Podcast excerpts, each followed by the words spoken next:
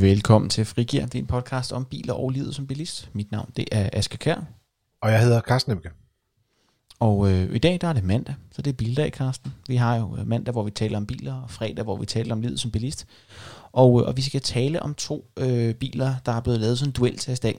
Øh, to mini-SUV'er, henholdsvis Ford Puma og Peugeot 2008. Øh, og, og vi kan starte med helt fra toppen, Carsten. Hvad er en mini-SUV, og hvorfor er den så interessant? Jamen, en mini-SUV, det er en lille SUV. Og så kan man sige, og hvad er en SUV så? En SUV, det startede med at være det, man kaldte en Sport Utility Vehicle. Det var i grove træk det, man kaldte en øh, offroad-bil, som også kunne fungere til hverdag. Men i dag, der er en SUV mere sådan en smart bybil, der er lidt høj i stedet for. Og de her mini-SUV'er, de er så bygget på, på det, man også kalder en minibil. Altså ligesom en Peugeot 208, eller for eksempel en Ford Fiesta. Ja, så det er sådan en, hvor man, man har taget en minibil, og så har man sådan mere eller mindre dumpet en cykel på ind i dem, og givet den et par sko. Og så bare blæst og blæst og blæst, til det blev store. Men, de, men de, bliver, jo- de jo dyrere af det. Altså er de ikke, hvis, hvis den er på størrelse med en, en 208 for eksempel, hvorfor skulle man så købe den, når den er dyrere end en 208? Jamen lige præcis i tilfældet med 208 og dens mini-SUV-kompagnon, der hedder Peugeot 2008. Der er et ekstra 0 i, og det 0 kunne man jo godt sige, at det var for at vise, at der er lidt ekstra plads i os. Så bagagerummet er meget større, og pladsen på bagsædet er også markant større, øh, lige præcis i tilfældet med Peugeot. Så man får en, en noget større bil og en noget højere bil for pengene.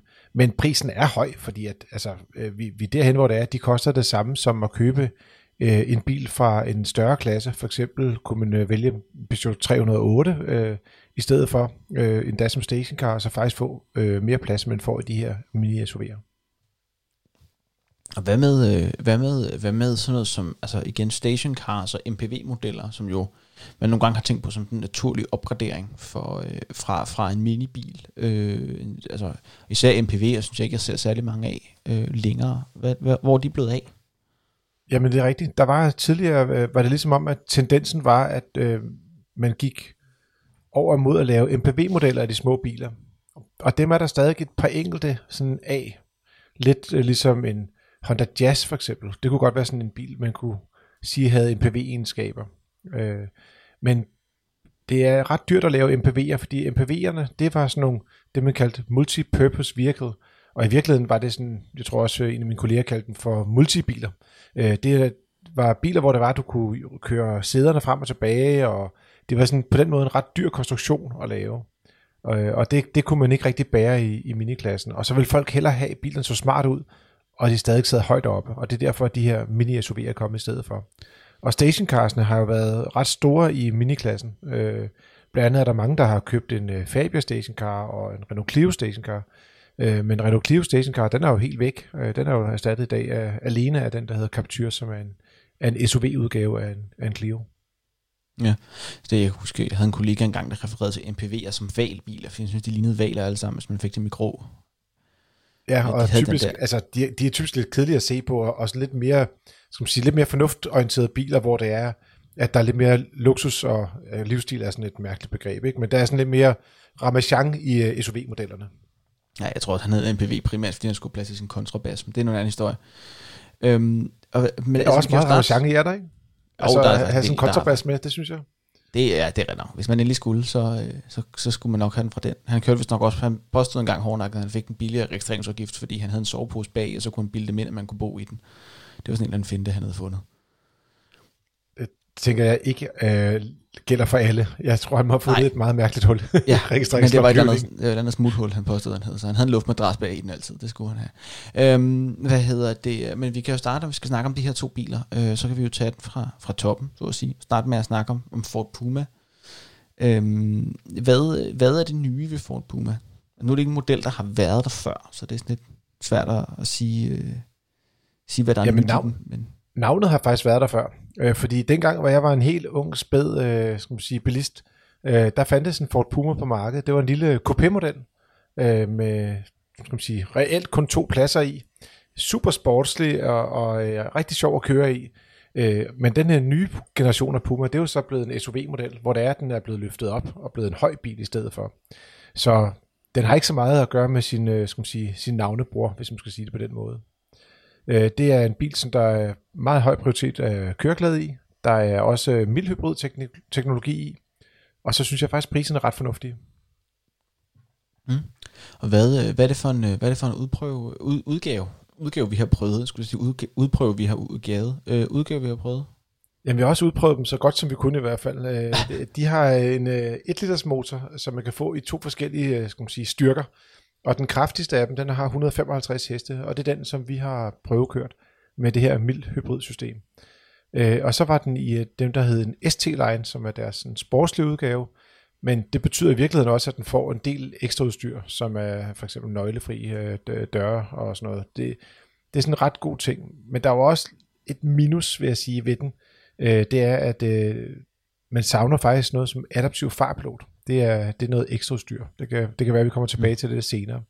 Der var en sjov ting, som jeg sådan lagde mærke til ved den bil, som jeg ikke rigtig har set i mange andre biler, det er, at der i bagagerumsbunden, øh, selve bagagerummet er ikke så stort, men der har de sådan en ekstra bund, hvor det er, at når du sådan ligesom kigger derned, så er der sådan øh, lavet plastik det hele, og så allernederst, så er der sådan et, et lille håndtag, man kan løbe og dreje, og når man åbner derned til, så er der simpelthen et hul.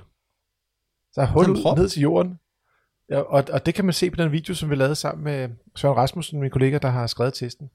Øh, det, det er altså, jeg vil sige, den første gang man gør det, tænker man, det, ah, det kan ikke være rigtigt det her, men øh, principielt kan man sådan lige øh, øh, putte lidt vand derned, lige for at rense det værste mudder af, øh, hvis man har noget der. Men øh, det er ikke et sted, hvor man kan opbevare for eksempel is eller sådan noget. Det har øh, Ford sagt. Det skrev de faktisk, da vi lånte bilen. Husk nu, I kan ikke lægge isterninger hernede i. Der må være nogen, der har prøvet det.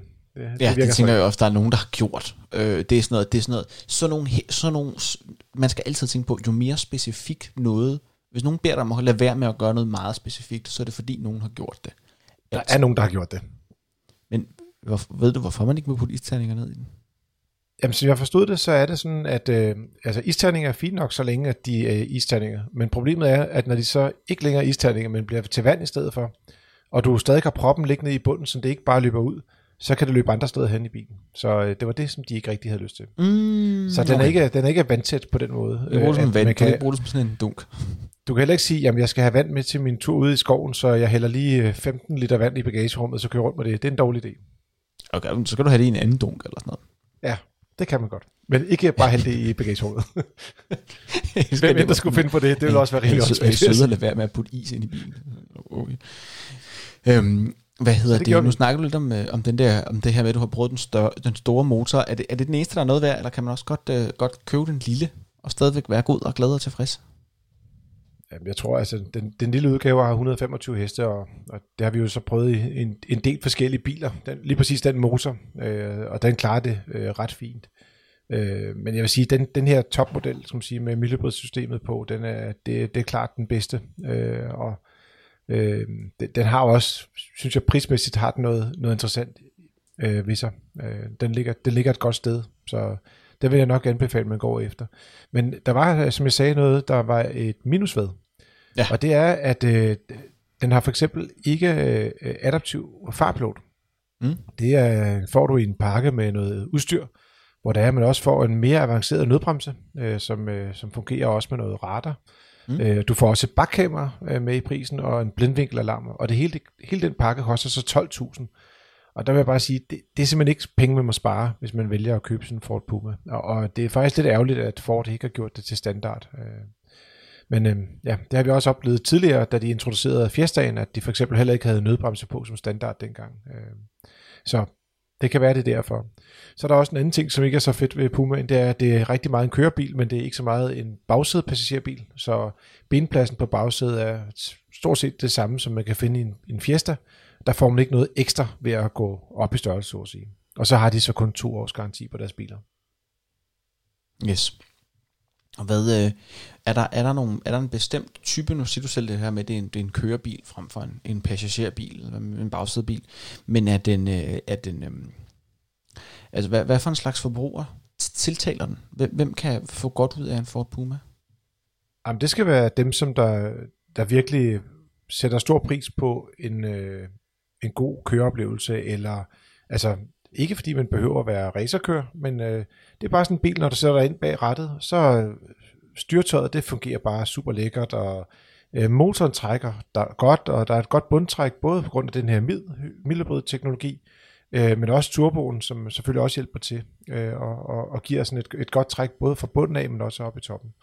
Så det er sådan en bil, hvor det er, at man... Øh, altså det, det, er, det, er, det er for dem, der er glade for at køre bil, og synes, det er sjovt at, at have sådan en bil, der ligesom taler til en.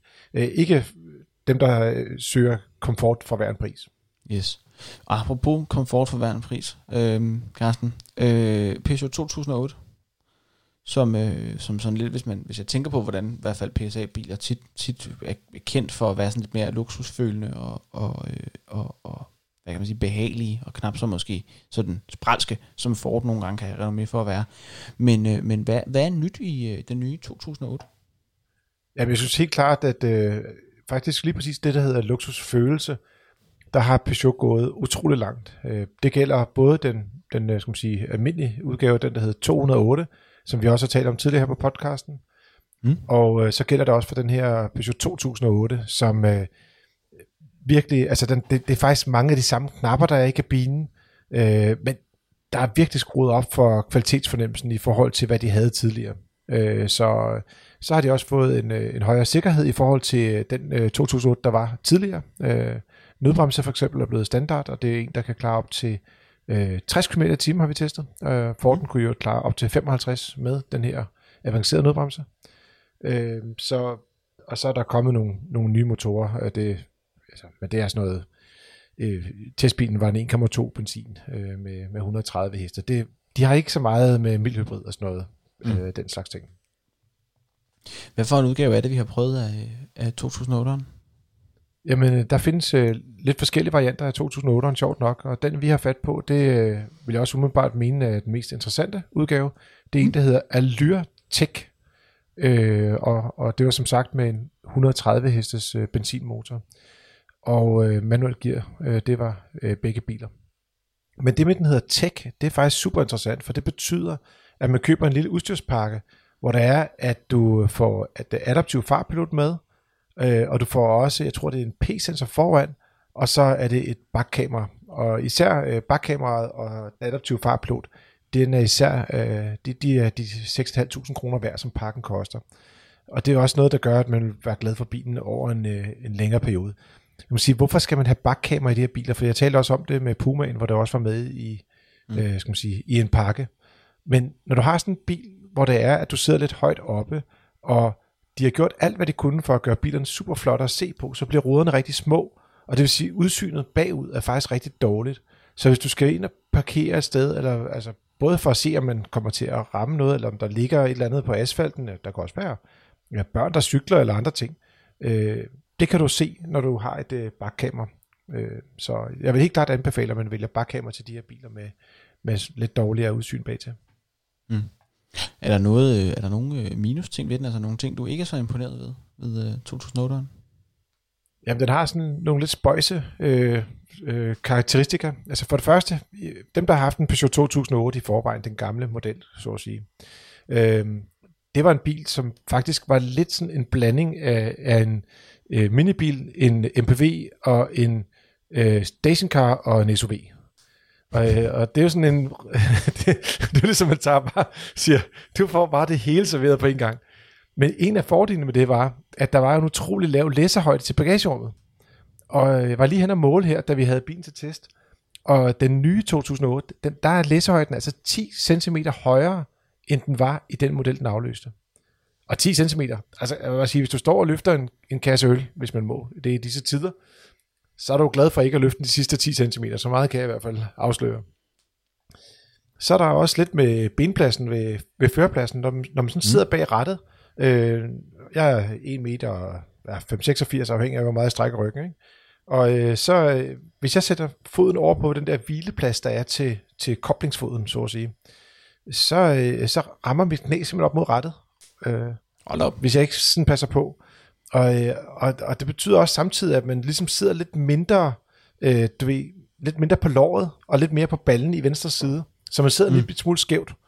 Øh, og samtidig med det, så er rettet, og det er lidt sjovt, fordi rettet er faktisk ret lille, så man burde ikke rigtig kunne ramme det, men har sådan en lille ret, hvor der er, at instrumenterne sidder henover.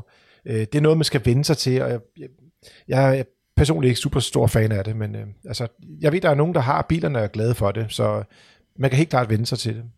Men en spøjs detalje, det er, at selvom den har det her meget, meget lille ret, så har de placeret sædevarmekontakten et sted, hvor du ikke kan se den, på grund af rettet. De har sat den bag ved rettet. Altså verdens mindste ret laver de at sætte i en bil. Og så fra førerpladsen har de sat sædevarmekontakten til førerpladsen et sted, hvor du ikke kan se den, medmindre du lige flytter hovedet sådan lige 5 cm til højre. Det er virkelig pusligt. Øh, pusser løjerligt, hvis ja, så, så hvor, er det, hvor er det? Altså, sådan sidder lige bag rettet, eller hvad? Den må så sidde nærmest altså lige bagved. Jamen, den sidder, den sidder bare sådan et rettet skygger for den, og, og rettet skygger sådan til dels næsten også for øh, start- øh, og stopknappen til bilen, som også er, synes jeg, en ting. Jeg ved ikke, om du har prøvet, øh, prøvet du den bil egentlig, Aske? Ikke, Eller ikke 2008'eren. Jeg har prøvet 208'eren, den nye. Der, jeg ved ikke, om du kan huske det, men hvis du skal starte motoren, eller skal slukke den igen, du skal, ikke bare, du skal ikke bare trykke på knappen, som man skulle tro, sig, nu, nu trykker jeg på en knap og starter bilen, eller standser motoren. Nej, du skal simpelthen holde den inde som form for øh, en kvælningsmanøvre eller sådan noget. Altså, det var simpelthen evigheder, før man får startet eller sluttet den der bil. Føles så. som om, man, man tager sådan en pude og holder ned over den der stakkels motor, indtil den til sidst bare holder op med at sprælle. Altså, det, er, det er, jeg, jeg, flere gange, jeg kan huske hver eneste gang, jeg skulle enten starte eller slukke den der 208, da jeg kørte med den, der var det altså sådan noget, hvor at jeg holdt ned og tænkte, nej, jeg gør noget forkert. Og så gik der lige et sekund, hvor jeg tænkte, et eller andet er galt, og så var det, den startede eller slukkede. Altså, man skal holde ned, det er virkelig verdens mest pedantiske anke. Men det, det kan man jo lægge mærke til, hvis man prøver Men det har 2008'eren altså også den her langtrukne startmanøvre. Præcis. Og så har den også kun to års garanti, ligesom Forden, som er et minus. Og derfor så kan man måske overveje lidt at tage en service- og reparationsaftale for ligesom at afbløde øh, hvad skal man sige, et økonomisk hårdt slag. Det er dog lidt dyrt at købe øh, hvad skal man sige, den aftale til Peugeot'en, end det er til Puma'en, men det kan være, at vi kommer ind på noget økonomi senere. Mm. Ja, fordi det er, det er nemlig det næste, vi skal snakke om. Det er, at vi skal snakke om, hvad koster den? Øh, og de, altså, hvad, hvad for et pris, der du sagde, de ligger, de ligger i prislaget på en mellemklassebil, men hvad er det? Jamen, i det her tilfælde med, med de varianter, som vi har testet, øh, der er prisen cirka 255.000 kroner. Og øh, i Passions tilfælde, der har vi lagt den her pakke med, hvor der også er adaptiv fartpilot og bakkamera, og der er den 1.500 kroner dyrere end øh, Pumaen. Men jeg vil sige, det er same same. De koster 255.000, du skal vælge lidt øh, farve til bilerne, og måske har du lidt ekstra udstyr, du også gerne vil have på dem, og så ender de på måske en 280.000 eller sådan noget, når du ligesom har købt bilen. Ikke? Mm. Og hvad, hvad for nogle konkurrenter er der i den, i den størrelse og i den prisklasse? Altså hvad for nogle andre biler øh, kan man kigge på, hvis man synes, den ser spændende ud? Eller hvad for nogle biler, som man har kigget på, kunne tyde på, at man skulle tage et, øh, et, et øh, glimt til de her biler? Jamen, jeg tror, jeg vil nok overveje at, at kigge på biler som for eksempel øh, Renault Captur, der også lige er kommet, og vi også lige har, har lavet podcast om her i, i foråret, mm. og, og Skoda Kamik, der jo også findes som podcast, mm. øh, som vi har testet i, her lige i starten af året. Og så er der også øh, en af dem, der sælger ret meget i klassen, det er VW, der også har en øh, model, der hedder T-Cross. Og den har faktisk sådan et øh, længdejusterbart øh, bagsæde, øh, og også ret fornuftige priser. Så øh, jeg synes, det, det er tre gode bud, men jeg vil sige, det er en klasse, hvor der er øh, Nissan Juke, øh, undskyld, øh, jo, Nissan Juke er lige kommet, og øh, vi sidder lige og kigger lidt på, måske at lave noget gruppetest på dem her i løbet af året, og der er simpelthen bare, jeg tror, der er 20 modeller i den her klasse. 20? Det er helt vildt. Altså, det, det, det, det er en klasse, der for 10 år siden, der var der to. så der, ja. der er virkelig sket noget. Der var en Captur, og det var faktisk det, mere eller mindre. Ja, og så Nissan Juke i den første mærkelige udgave også, ikke? Mm. Som havde de der spøjse multiple øh, øjne. Øh, hvad er det den, der havde de der lidt spøjse lygter? Jo, den havde også øh, ret spøjse lygter. Så den, den, det var sådan en bil, der øh, skilte vandet. Det, øh, det blev lidt mere, øh, den blev lidt mere normalt at se på nu i hvert fald. Ja, og hvor mange, hvor mange stjerner ender de her biler, som er for Karsten? Jamen, øh, de har begge to fået fem stjerner, og øh, hvad det, det er vores øh, vurdering af at have biler, hvor der er, at øh, der er et øh, fornuftigt sikkerhedsniveau i, og de har nogle gode egenskaber, de byder på begge to. De er sådan lidt forskellige som typer. Den ene er sådan lidt mere øh, skal man sige, elektrificeret med hybridbrød teknologi. Den anden har mere plads og er mere komfortabel. Så, men jeg vil helt klart anbefale, at man går ind og læser øh, de tests, som øh, Søren Rasmussen øh, han har skrevet. De ligger inde på mm. vores hjemmeside. Øh, det nemmeste er at gå ind og finde dem på motor.dk. Så går man direkte ind der, hvor biltestene ligger. Øh, der ligger en, en lang test med masser af billeder af begge to, og også nogle videoer, som jeg har optaget, og du har klippet. Så der ja. er masser af bilglæde derinde. Ja, det ligger også i episodebeskrivelsen, så slipper du for at skifte skifte vindue. Præcis. I første omgang. Øh, og det er, øh, altså hvad er det for en, og bare lige for at, at opsummere lidt, at tage på falderæbet, fordi hvad er det for en, hvad er det for en slags, altså nu ser du, de får begge to fem stjerner, men det er jo ikke nødvendigvis så med sagt, at for enhver given person, at de her to biler er et lige godt valg. Vel?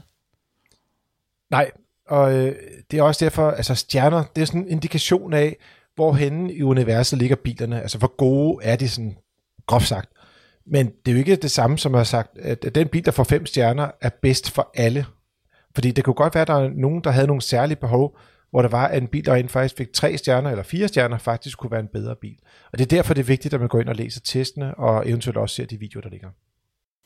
Vi skal også lige øh, vende en mail, vi har fået ind, og det er ligesom meget, fordi det er sådan lidt apropos franske biler, øh, i hvert fald på missionstilfælde. Ford kan man ikke klandre for, man klandre for mange ting, men det er ikke for at være fransk. Øhm, men fordi, og, og fordi vi kommer fra passion. Øh, vi har fået en mail fra, fra Anders, som skriver ind, og øh, Anders skriver for det første en masse ros til os, det er jo altid rart at få.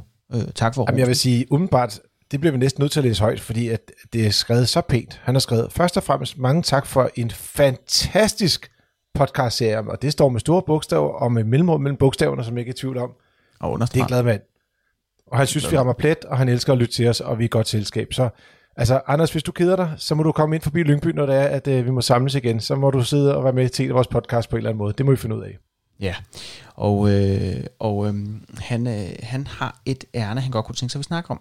Og det er kvalitetsfornemmelsen i franske biler. Øhm, øh, det er lige så meget, fordi han, han tænker meget på den, på den nye Opel Corsa, som vi også snakker om, er meget mærket, at Opel er blevet snuppet op af, af franske PSA. Øh, og han synes, det er tydeligt, at der er en elefant i rummet, øh, nemlig at fransk bilkvalitetsdesign simpelthen ikke er på niveau med japanske, tyske eller koreanske biler. Øhm, og øh, han, har, han snakker selv om, at han er rigtig glad for sin, for sin øh, første og eneste Opel til dato, øh, Opel Zafira. Men, øh, men han er ikke rigtig imponeret over, øh, hvad hedder det, øh, den nyeste øh, Grandland, som også er sådan en øh, Peugeot-inspireret bil, som har det her PSA-mærker på sig. Øh, den havde han fået en lånebil på et værksted. Øh, og han har oplevet det samme i Renault også. Øhm, om, om, han virkelig, om han virkelig ikke synes, at, øh, at, at vi, vi kan mærke en forskel, øh, når der er, som han kalder det, franske unåder, som upræcise gearkasser, overfølsomme bremser og styretøj, dårlig ergonomi for personer over middelhøjde og ulogiske elektroniske løsninger.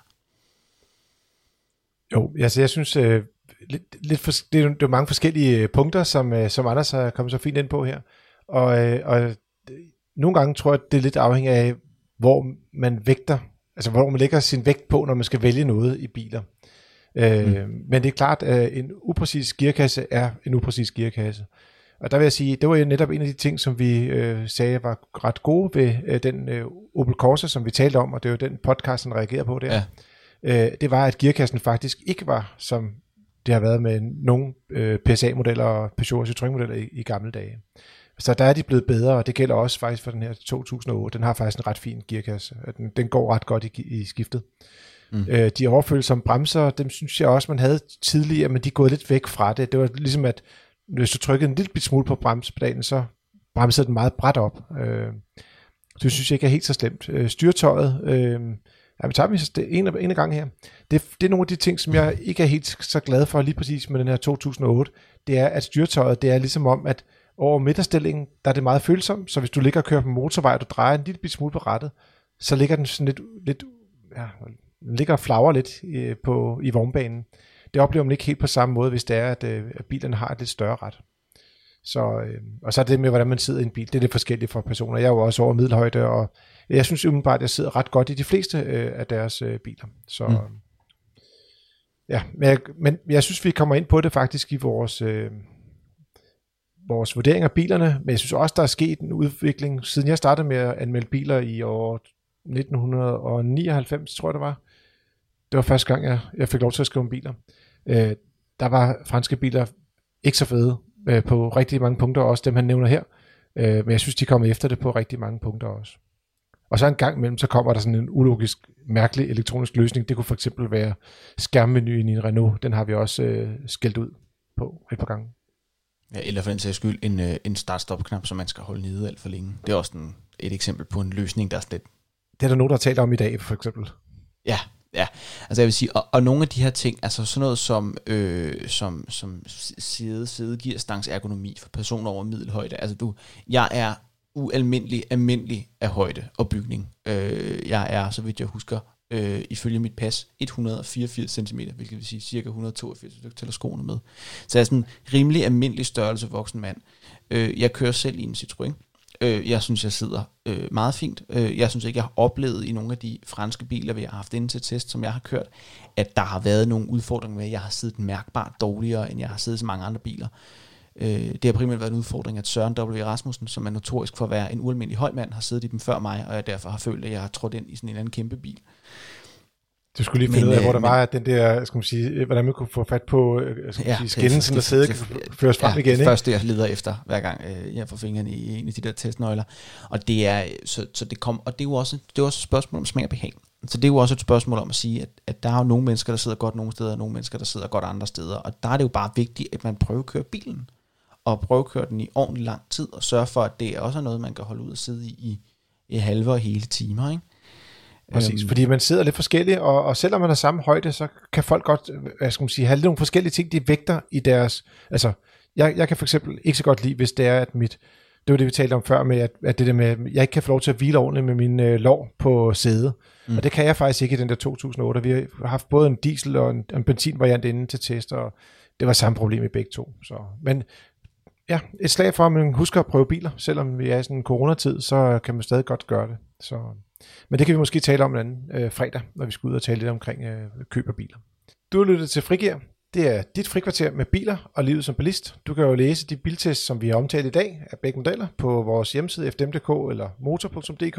Og Aske har som altid været super flink og lagt et lille link op her i episodebeskrivelsen. Det har han nemlig. Øh, du er også altid velkommen til at anbefale til dine venner, eller give os nogle stjerner til din podcast-app, eller hvad du nu har lyst til. Øh, eller hvis lige en anmeldelse, du kan også bruge abonner-knappen inde i din øh, podcast-app, så du kan høre med næste gang. Øh, på fredag skal vi blandt andet snakke om, hvordan at hvis du ligesom også har arbejdet hjemme den seneste tid, at så er der lige nogle ting, du skal ordne, hvis du undgår at få en regning om et års tid. Øh, så er der en cliffhanger.